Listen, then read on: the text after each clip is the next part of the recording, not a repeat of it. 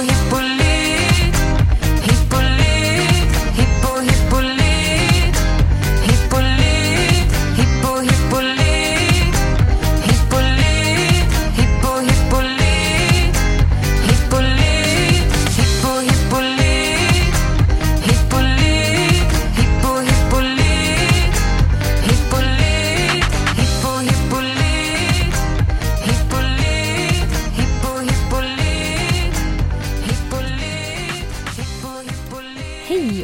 välkomna till vår foderpodd. Hej Jennifer, det är vi som kör. Hej Linn! Ja, femte avsnittet. Jajamän, och förra gången så pratade vi lite om hästens matsmältning. Ganska svårt ämne att prata om på ett eh, lättförståeligt sätt, tycker vi båda. Eh, men jag hoppas att vi tog oss igenom hela mag och tarmkanalen på ett bra sätt och att ni kunde följa med. Eh, idag ska vi prata lite mer om installning och foderstatsberäkning, för det är ju faktiskt så att hur skön sommaren än är så börjar vi närma oss hösten och installning. Och då brukar blir dyka upp väldigt mycket frågor. mycket frågor. Det är nu många försöker lägga upp en foderstrategi till sin häst. Och man, eh, ja, man, man, vill, man börjar om lite på noll varje år känns det som. Precis, och det är ju vissa saker man verkligen bör tänka på just i inställningsperioden när man går från ett bete till till eh, stallfodringen. Och eh, framförallt så måste man ju tänka på att det är ett foderbyte. Och som vi har nämnt i tidigare avsnitt, om man har lyssnat på alla våra avsnitt, så är det ju väldigt viktigt med att ett foderbyte minst ska ta två, tre veckor. Ja, och det här är ju ett foderbyte precis som vilket annat foderbyte som helst. Eh, man glömmer ofta bort det. Jag tycker ofta att folk tänker på att eh, när man går från grovfoder till grovfoder så, så tänker man att det är ett foderbyte, eller kraftfoder till kraftfoder för den delen. Men just bete till, till grovfoder, det, det glöms bort lite grann. Ja, och det, det är lite olika där för att ibland så behöver man ju stödutfodra lite tidigare. När betet blir lite mindre näringsrikt så kan man uppleva att vissa hästar faller ur och då går man in och stödutfodrar framförallt med grovfoder. Och då är det ju lättare för då blir det lite mer automatiskt övergång än om man tar dem direkt från betet in till stallet. Det är ungefär som en häst som går på ett ganska stort, en ganska stor vinterhage där gräset successivt kommer upp jämfört med de som går i en liten rastfålla och släpps på bete. Det blir ungefär samma princip ju. Precis. Att det kommer lite naturligt, själva övergången. Ja. Eh, men sen då när man, när man ska ta in hästarna och ställa in dem och börja fodra dem, vad, vad, vad kan mer hända? Vad bör man tänka på? Alltså det, det är ganska mycket saker man bör tänka på. Eh, alltså det sker en väldigt stor förändring. Från att de har haft ett kontinuerligt foderintag så begränsar man ju hästens intag. Man kanske fodrar tre gånger om dagen, fyra gånger per dag. Och det bästa är ju egentligen om man kan ha många små giver ofta. För om man tittar återigen på hästen, hur den ser ut fysiologiskt sett, som vi förklarade väldigt mycket i förra avsnittet, avsnitt fyra, så är de gjorda för att ha en väldigt lång ättid och äta väldigt stor del av dygnet. Och det får också- de ju väldigt automatiskt på ett bete tänker jag. Alltså då, Precis, då och de kan äter de. justera det här Mm. ganska mycket själva. Medan man, när man ställer dem på box, då, då tar man ifrån dem de möjligheterna igen. Eh, speciellt om de står på torv eller spån eller så vidare. Precis, man går ju återigen lite från det naturliga sättet, hästen, hur den hålls naturligt. Ehm, och eh, en annan sak som är viktigt att tänka på är att den rör sig mindre då. För att på ett bete så rör de sig ofta mycket mer när man har dem ute nattetid också. Ja, dels så går de ut en längre tid, eller dygnet runt, och sen så eh, rör sig hästen eh, i sitt födosök eh, kontinuerligt över dygnets timmar. Så det blir ju på ett helt annat sätt. Det blir det. Och ehm, sen är det ju så faktiskt att ett konserverat grovfoder innehåller mycket mindre vatten generellt sett än ett gräs. Och det kan vi ju bara snabbt repetera, vi har pratat om det i tidigare avsnitt med, men ett gräs så innehåller ju det större delen vatten får man ju säga. Det är ju ungefär 80% vatten och en mindre mängd TS. Och när vi har ett hö till exempel så blir det i princip det omvända. Då är vi nere på Precis 15% vatten består i ett, eh, ett hösilage, eller ett hö av. ett torkat hö och Mm. 84% CS. Eller nu det, ja, och TS. Ja, precis. Så att ehm, det... Det är ju lite skillnad och eh, det här är viktigt att tänka på då för hästen kommer ju behöva mer vatten då om den får ett torrare hö jämfört med när den har gått på, på ett bete då.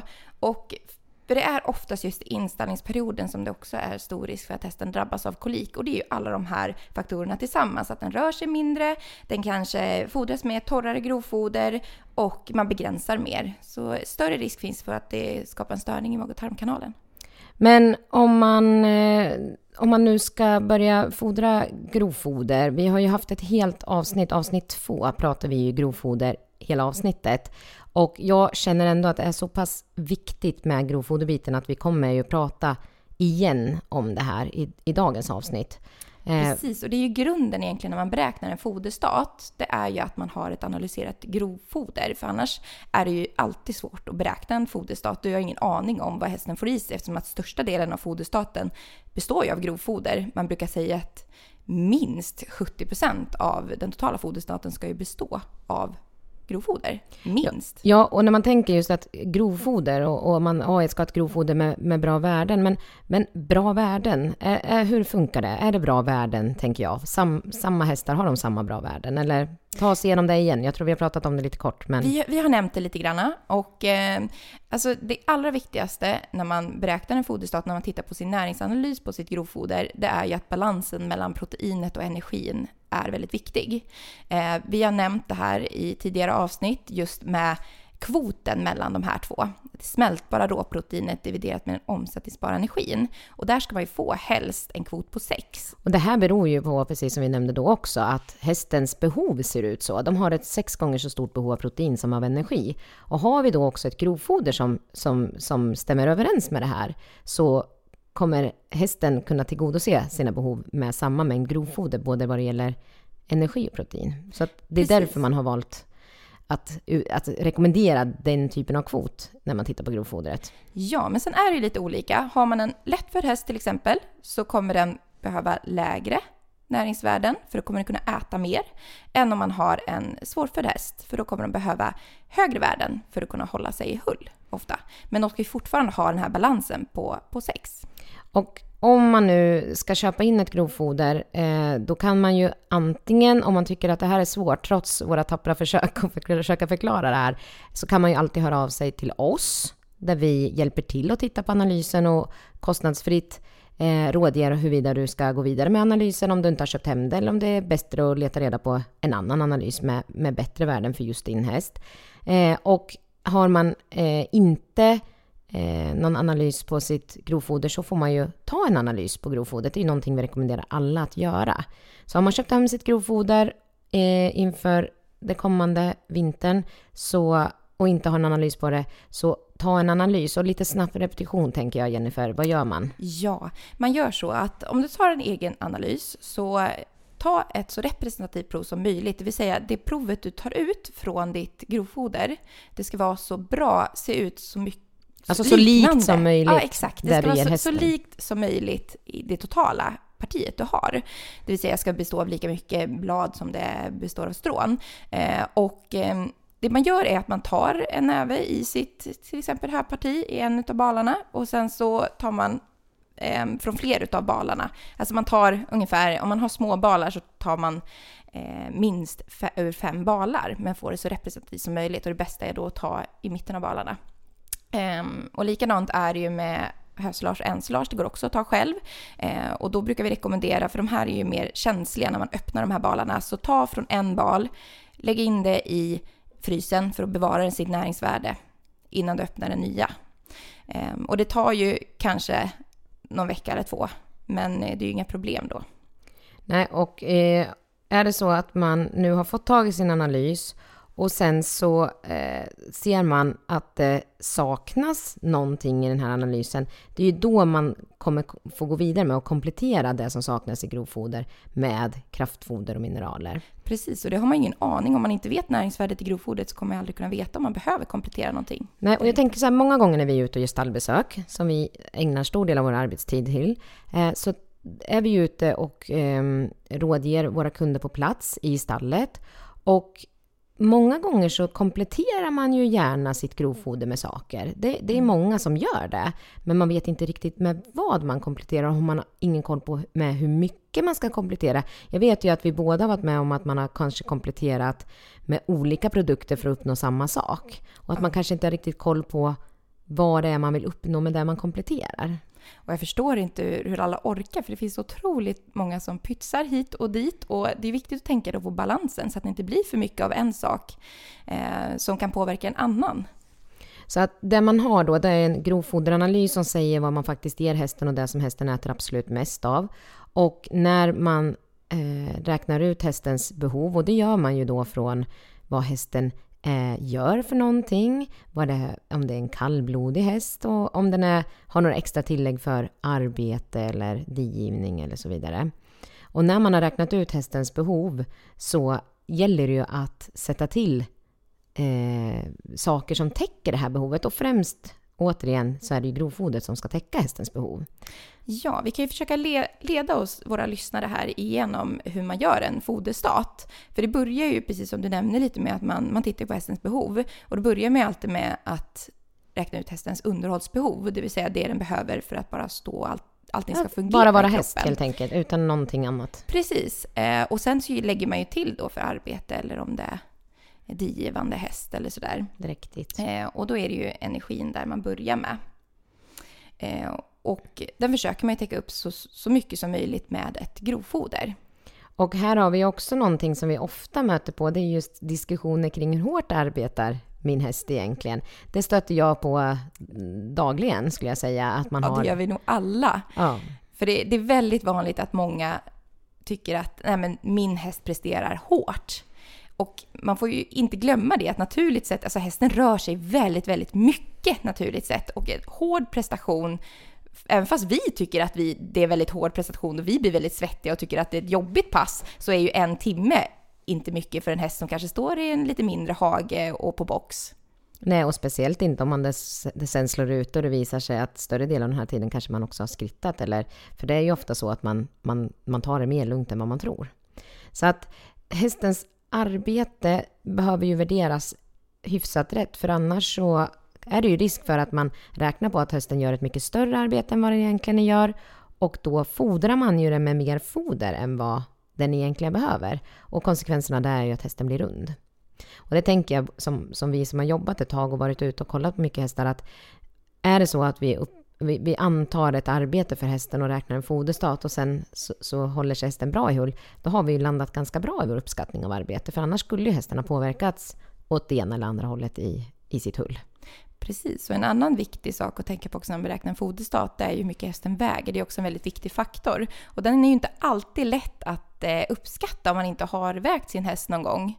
Men det finns ju olika formler man kan använda för att räkna ut sin hästs vikt så att det blir någorlunda i alla fall. Mm. Man kan använda sig av ett viktmåttband för att få en i alla fall Indikation. indikation på vart hästen ligger. Ehm, Så att först så räknar vi ut hästens underhållsbehov och eventuella tillägg med arbete eller digivning och dräktighet. Och då får vi vad hästen har för behov av både energi och protein och vitaminer och mineraler. För det är ju det som hästen ska täcka Ehm, med sitt foder. Och sen så eh, tänker vi oss att i, i, när, när vi pratar ett bra grovfoder, då är det här ett foder som täcker hästens behov av energi och protein i de bästa fall med sitt grovfoder. Om man har en häst som, inte helt sällan så kan det ju vara så att man har en tunn häst och sen så tycker jag att har du en tunn häst så lägger du den på fri tillgång på grovfoder. Du begränsar inte grovfodergivan. Ja, och det där är väldigt svårt för att det finns de tunna hästar faktiskt som har ett väldigt bra grovfoder. Eh, De äter, har fri tillgång men lägger ändå inte på sig. Och det här är jättesvårt för då, då måste man ju lägga till någonting extra. Ja, och det är då man kanske kompletterar med en form av kraftfoder som passar den här hästen för att få den att lägga på sig där den behöver för att inte vara för tunn. Mer koncentrerad energi kan man säga. Ja, och om vi också tänker oss att vi har en häst som eh, inte lägger på sig så mycket, det är då vi inte kan ha den på fri tillgång längre utan måste istället begränsa grovfodergivan. Och då, vill man ju, då måste man ha koll åt andra hållet istället så att man inte begränsar den för mycket. Nej, för när vi pratade lite om grovfoder så nämnde vi ju en gräns där. Att rekommenderad giva är ju 1,5 kilo torrsubstans per 100 kilo kroppsvikt och det här rekommenderar man ju inte att man ska gå under helst. Nej, det är de- rekommendationer som finns och det är ju för att återigen få en uppfattning om hur mycket grovfoder ska min häst äta. Och anledningen till att man tittar då på torrsubstanshalten är ju återigen för att vattenhalten sitter ingen näring i. Och beroende på vad blött grovfodret är så kan man inte bara räkna på hur mycket, många kilo foder hästen ska, utan det är någonting som man korrelerar för sen när man räknar ut givan som hästen faktiskt får. Och när man pratar lite om lättfödda hästar så tycker jag, vill jag gärna slå ett slag för eh, halm också, hur bra det är verkligen. För det, det kan ju verkligen ge en mycket längre ättid och mer struktur, alltså mer, mer TS, alltså kommer lättare upp i det för det innehåller ju mindre näring ofta ett halm. Ja, och många hästar är ju inte lika sugna på att äta halm som grovfodret så att det kan ta... De pillar lite i det, sen går de därifrån och sen pillar de lite i det så att det inte blir det här att de äter tills det är slut, utan det, det, det kan förlänga ättiden utan att hästen för den delen eh, konsumerar upp det direkt. Och ge sysselsättning. Mm. Men om vi säger, den vanligaste vi möter på när vi är ute då, när vi får beräkna foderstater, det är ju att energin sällan är ett problem, får man ju ändå säga. Vi, vi möter ju på tunna hästar och så också, men det vanligaste är ju ändå att vi stöter på normalfödda eller lättfödda hästar. Och då täcker ju hästen sitt energibehov, men inte allt för sällan. Eller väldigt ofta nästan. Mm.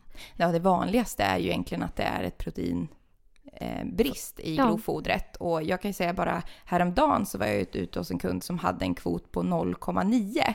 Och det här är ju då väldigt, väldigt lågt om man jämför med att det ska helst vara 6 en kvot. Mm, då har man ju här är- nästan en, ett grovfoder som är som halm istället. Ja, och problemet med det här grovfodret var ju att det var så pass högt i energi och de hade väldigt lättfödda hästar och så var det ju jätte, jättelågt på just smältbart råprotein. Och hullet och eh, själva förmågan att bygga muskler är ju, vad ska man säga, har man ett, mycket energi i sitt grovfoder så kan hästen fortfarande ha fint hull.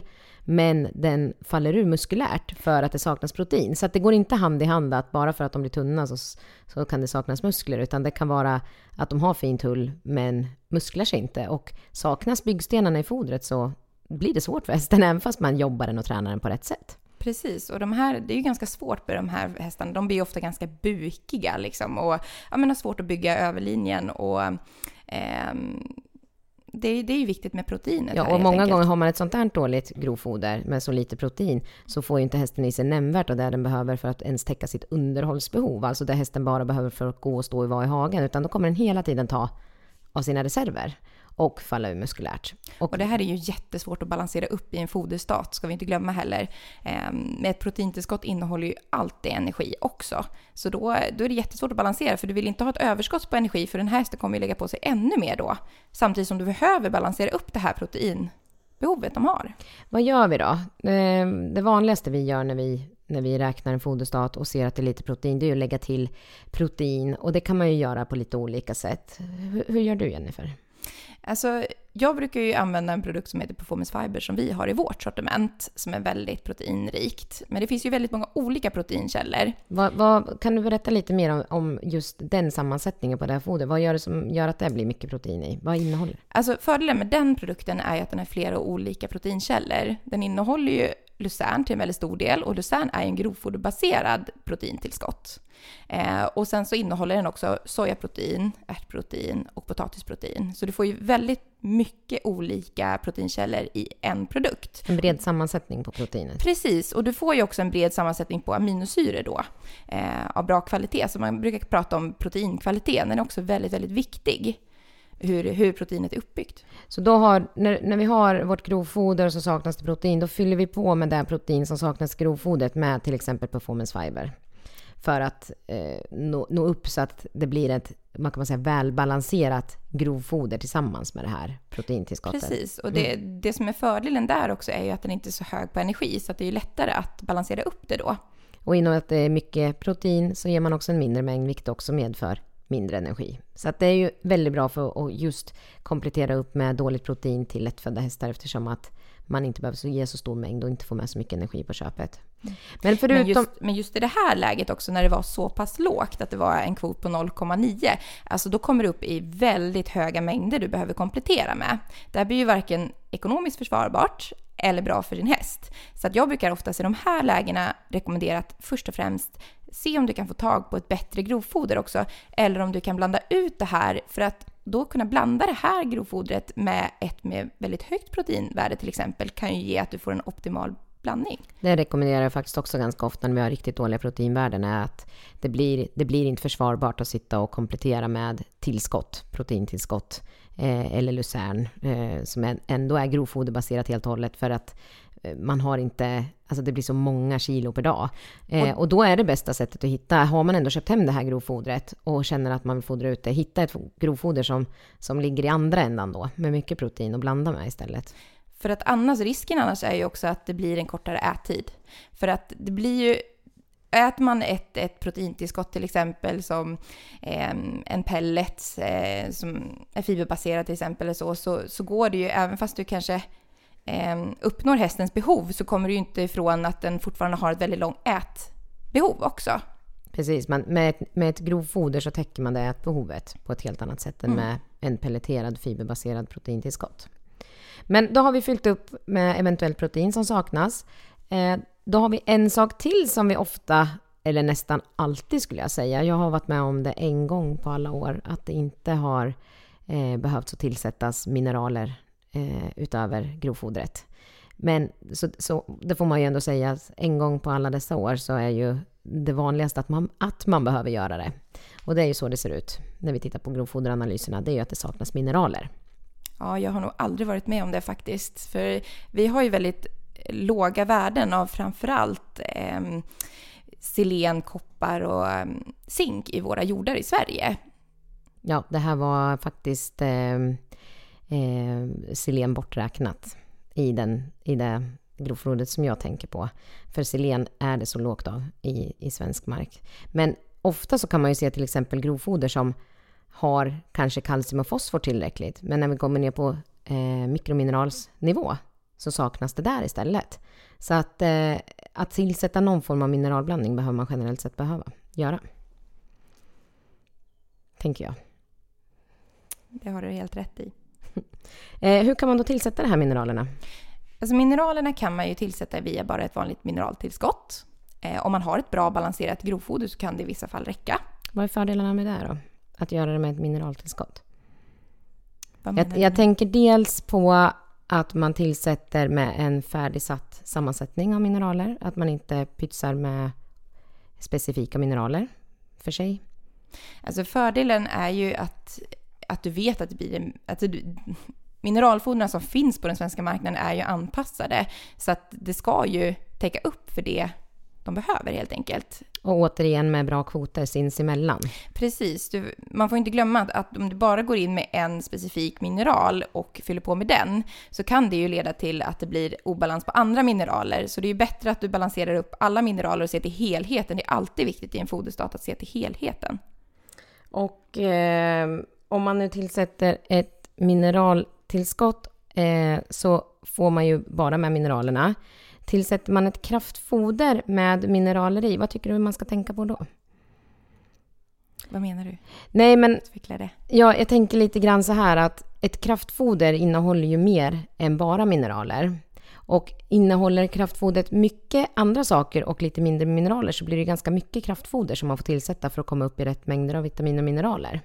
Att det blir stora mängder kraftfoder för att täcka för vitaminer och mineraler. Absolut, och eh, det finns ju väldigt många olika typer av kraftfoder på marknaden och eh, många innehåller ju mycket mineraler också, precis som du nämner. Men det finns ju risk att man behöver då komma upp i ganska stora givor för att uppnå eh, deras mineralbehov. Alltså, vi på Sankt Hippolyt har ju ett litet annat koncept där, just att vi har väldigt koncentrerade kraftfoder och innehåller mineraler och vitaminer på en de är väldigt koncentrerad Alltså det, det Eh, krävs mängd. väldigt mycket mindre kraftfoder för att täcka för vitaminer och mineraler. Eh, jämfört med många andra kraftfoder. Och det som också gör skillnaden där är ju att ger man mindre kraftfoder så tillför man ju inte så mycket energi och protein i foderstaten, för det vill vi ju forts- alltså fortfarande vill vi täcka det med grovfoder till så stor del som möjligt. Börjar man fodra flera kilo kraftfoder, då kommer man ju också börja täcka hästens behov av energi och protein med det här kraftfodret. Och då på en lättfödd eller normalfödd häst så kanske man får börja gå ner i giva på grovfoder istället. Eh, fördelen tänker jag med att vi eh, kan tillföra mineraler i ett koncentrerat format, det är ju att oftast så äter inte hästen mineraler bara utan att man behöver blanda upp det med någonting. Sen blir det väldigt lätt att fodra sin häst om man bara behöver en produkt istället för att hålla på med de här pytsarna och Och riskera att de kanske produkter. selekterar ut, för det är ju väldigt många hästar som gör, att de pillar ur mineralerna om man blandar det. Att det, det problemet kommer man ju ifrån om det redan är i kraftfodret så att säga. Ja, för det är helt otroligt vad hästarna kan pilla ut faktiskt i sin fodergiva, för de är väldigt rörliga i sina läppar. Om man jämför till exempel med en ko så har ju de väldigt svårt att sortera ut eh, på samma sätt som hästar, just att de är så rörliga i sina läppar. Det är många hästar som eh, kan sortera ut små mängder av tillskott ur en eh, stor giva foder för att de är enormt duktiga på att selektera. Man blir ofta väldigt, vä- väldigt eh, förvånad över hur duktiga de är.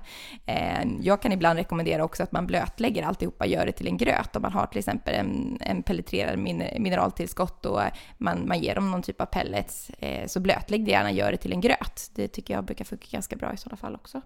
Så att eh, tillföra mineraler antingen genom en mineralfoderblandning som är eh, färdigsammansatt så att man får bra kvoter mellan de olika mineralämnena anpassade till svenska förhållanden.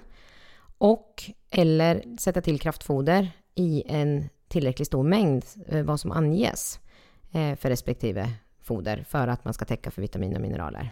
Precis, någonting jag tycker också att vi ska nämna nu när vi pratar lite foderstatsberäkning och sådär, det är ju faktiskt att allting är ju inte svart eller vitt.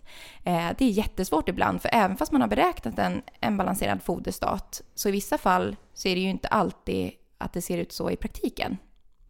Det kanske är så att man, man tycker att man har beräknat på en bra energiomsättning och man, att man har en korrekt vikt, men att hästen ändå har svårt att hålla hull. Och då kan man ju behöva lägga till ännu mer och då är det framförallt grovfoder man ska öka upp på. Ja, och sen kommer vi till de här hästarna som vi har varit inne lite tidigare på, att de, de, de slutar äta. De, de, de har sitt, nått sin konsumtionsgräns mycket tidigare än vad man hade önskat. Och då är ju också, som vi sa tidigare i det här programmet, att man, man får tillföra energi och protein till just de här hästarna med kraftfoder, för annars får man tunna hästar. Så att det är återigen där de hästarna som inte konsumerar den mängd grovfoder som de behöver, av en bra kvalitet för dem, då, då har man alternativet med att gå på med lite kraftfoder. Där jag tänker lite grann så här, om vi, vi, vi pratar kraftfoder, vad, vad ska man tänka lite grann på när, när man väljer kraftfoder? Eh, tänker koppla tillbaks lite till vad hästen är från början och det här med stärkelse och så. Ja, alltså det man ska tänka på lite grann är ju att hästen naturligt sett i sin naturliga foderstat innehåller ju inte speciellt mycket stärkelse. Gräs innehåller ju knappt någon, någon stärkelse överhuvudtaget. Eh, så att där ska man ju vara väldigt försiktig och eh, det bästa är ju att man ger kraftfoder i mindre givor ofta hellre då än att man ger en stor giva på en och samma gång. Och att man på totalt sätt inte försöker ge så jättemycket kraftfoder med hög till exempel stärkelsenivå. Precis, och det finns ju väldigt tydliga rekommendationer där från SLU, just hur, hur stora mängder man ska ge. Och eh, sen är det väldigt viktigt om man har en häst som, som tidigare bara gått på en grovfoderbaserad foderstat, att om man ska börja fasa in grovfoder så är det extra viktigt att man tar det försiktigt när man fasar in det. Mm, jag tror att du tänker på kraftfoder. Eh, Precis, Ja. det gör jag absolut. Så att ingen, ingen blir förvirrad här när man lyssnar. Eh, men sammanfattningsvis kan man väl säga lite grann att när vi beräknar en foderstat så utgår vi alltid från att hästen är en grov foderätare. Att den behöver äta mycket grovfoder och ska täcka så mycket som möjligt av sitt behov med hjälp av grovfodret.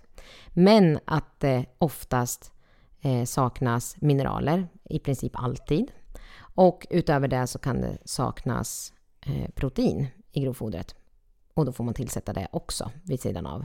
Och gör man det här så har man ju fått ihop en foderstat om, om man beräknar det här. Och det skulle man också kunna säga eh, och, och skjuta in här när vi pratar om det, att vi räknar ju otroligt mycket foderstater. Vi räknar väldigt mycket foderstater och hjälper ju jättegärna till om man behöver hjälp och stöttning i att beräkna en foderstat till sin häst. Ja, och om man nu känner inför hösten att man vill eh, fundera ut, och, och jag tycker att man ska nämna ordet foderplan eller foderstrategi när vi tänker foderstat, att man inte fodrar hästen lite grann för att man alltid har gjort det si eller att man har en, en boxgranne som gör så, utan att försök och, och tänk ut en foderstrategi till din häst. Ta hjälp, ta gärna hjälp av oss. Och fundera på varför man ger någonting. Varför tillsätter vi det. Ja, och varför ska vi tillsätta det och vad ska det fylla för funktion? Och sen att man tänker långsiktigt. Och eftersom att, eh, vad ska man säga, grovfodret kan ändra sig mellan olika skörder, mellan olika år. Så varje gång man byter grovfoder till sin häst så är det dags att kontakta oss igen, alternativt själv då justera och räkna ut och se, är det någonting jag behöver förändra? För det här är ju någonting som hela tiden ändras från år till år. Så att foderstaten är inte eh, fast bara för att man har räknat den en gång, utan det här är någonting som hela tiden börjar, behöver följas upp och Uppdateras, ja. ja, Och sen uppdateras. så behöver man ju tänka på det, jag brukar alltid rekommendera det när man gör en förändring i sin foderstat, att man ständigt följer upp, att man kollar hästens hull med jämna mellanrum. Och det är skitsvårt att bedöma sin egen häst hull. Ehm, så jag brukar säga att men, men en stallkompis kanske kan komma in och hjälpa en som är duktig på just hullbedömning. Och, eh, för ser man sin häst varje dag, det är jättesvårt att se om den har gått upp man, blir eller inte. man blir hemmablind. Man blir hemmablind. Ja. Och eh, ett bra sätt är ju annars att man, att man mäter upp dem med ett måttband. Jag brukar ha som ett balsnöre som jag har, som jag utmätt efter min häst. Att, där jag visste att hon, nu är hon perfekt i hull, så här vill jag hålla henne. Och det balsnöret har ju jag hela tiden och försöker mäta en gång i veckan. Och speciellt viktigt är ju när man gör en justering så att man ser att, att det håller sig på en bra nivå. Det är en varningsklocka när man inte kan spänna sadeljorden längre. Då har det gått för långt. Ja, då har det gått alldeles för Då långt. har det gått för långt. Men eh, jag tycker att vi har försökt att sammanfatta det här ganska väl och eh, om de ska höra av sig här till oss nu och vill ha hjälp med foderstadsberäkning, Jennifer, vart hör de av sig? Jajamensan. Då hör de av sig till oss på info.hippolyt.se. Alternativt så kan man ju ringa och prata med oss också. Det är, då är telefonnumret 0413 486 100. Så jättegärna kom, eh, hör av er på de här antingen telefonnumret eller mejlen och be om hjälp, för vi hjälper jättegärna till alla som vill ha hjälp. Sen så svarar vi ju jättegärna på frågor och får gärna lite input eh, med förslag på vad ni vill att vi ska ta upp härnäst. Vi kommer avsnitt. förhoppningsvis framöver ha lite gäster med i, i våran podd. Vi kommer få lite av våra kollegor kommer dyka upp så att eh, det blir lite nytt och fräscht här framåt hösten. Ja, men då vill jag tacka så mycket för att ni har lyssnat på oss, det här avsnittet. Hoppas att ni har lärt er mycket. Och ha det så bra så hörs vi snart igen. Hej då! Hej!